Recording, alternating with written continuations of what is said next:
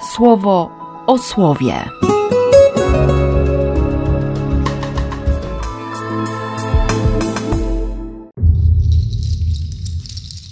Osiemnasty marca, piątek.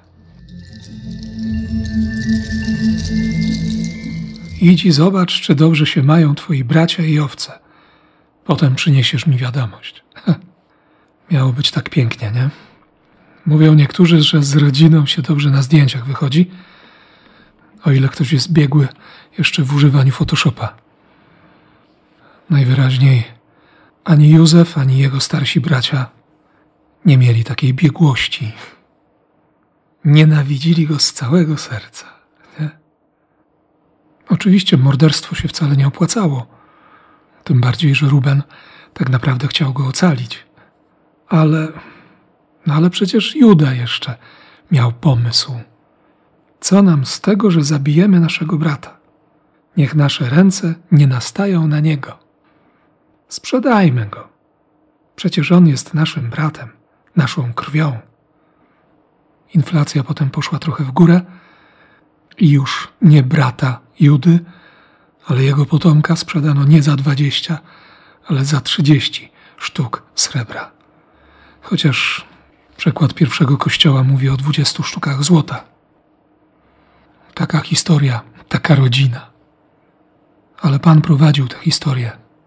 Tak sobie pomyślałem, że nawet jeśli, jeśli moja rodzina, czy ta naturalna, czy ta przez wspólnotę chrztu, ci moi bliscy, bardzo bliscy, niekiedy są kompletnie obok, a nawet przeciw, czy naprzeciw to Bóg poprowadzi tę historię. To Bóg naprawdę zrobi piękne rzeczy, bo Jego jest czas. Ten czas, który mam i ten czas, którego jeszcze nie potrafię chwycić w dłonie. Ten kairos, który mi się ciągle wymyka. Nie? I dlatego Pan tak bardzo chce zadbać o nas, o nas jako rodzinę, nie? jako Kościół, jako, jako winnicę to słowo i pierwsze i drugie czytanie jest naprawdę pełne ogromnej nadziei. Nawet jeśli dzieją się rzeczy koszmarne, jeśli zabijane są sługi, jeśli morduje się syna, jeśli coś się w głowie i w sercu tak poprzestawia, że stać człowieka na to, by odpłacać śmiercią za życie Bogu, to, to on i tak się nie zemści nie w taki sposób, jaki by się wydawało. Ich samych skaże jako złych na nieszczęsną zgubę. No nie skazał, tylko będzie prowokował syna do absolutnej modlitwy oddania.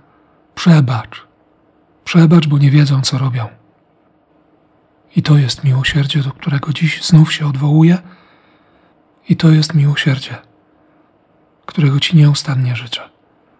I błogosławię jak tylko potrafię. W imię Ojca i Syna i Ducha Świętego. Amen. Słowo o słowie.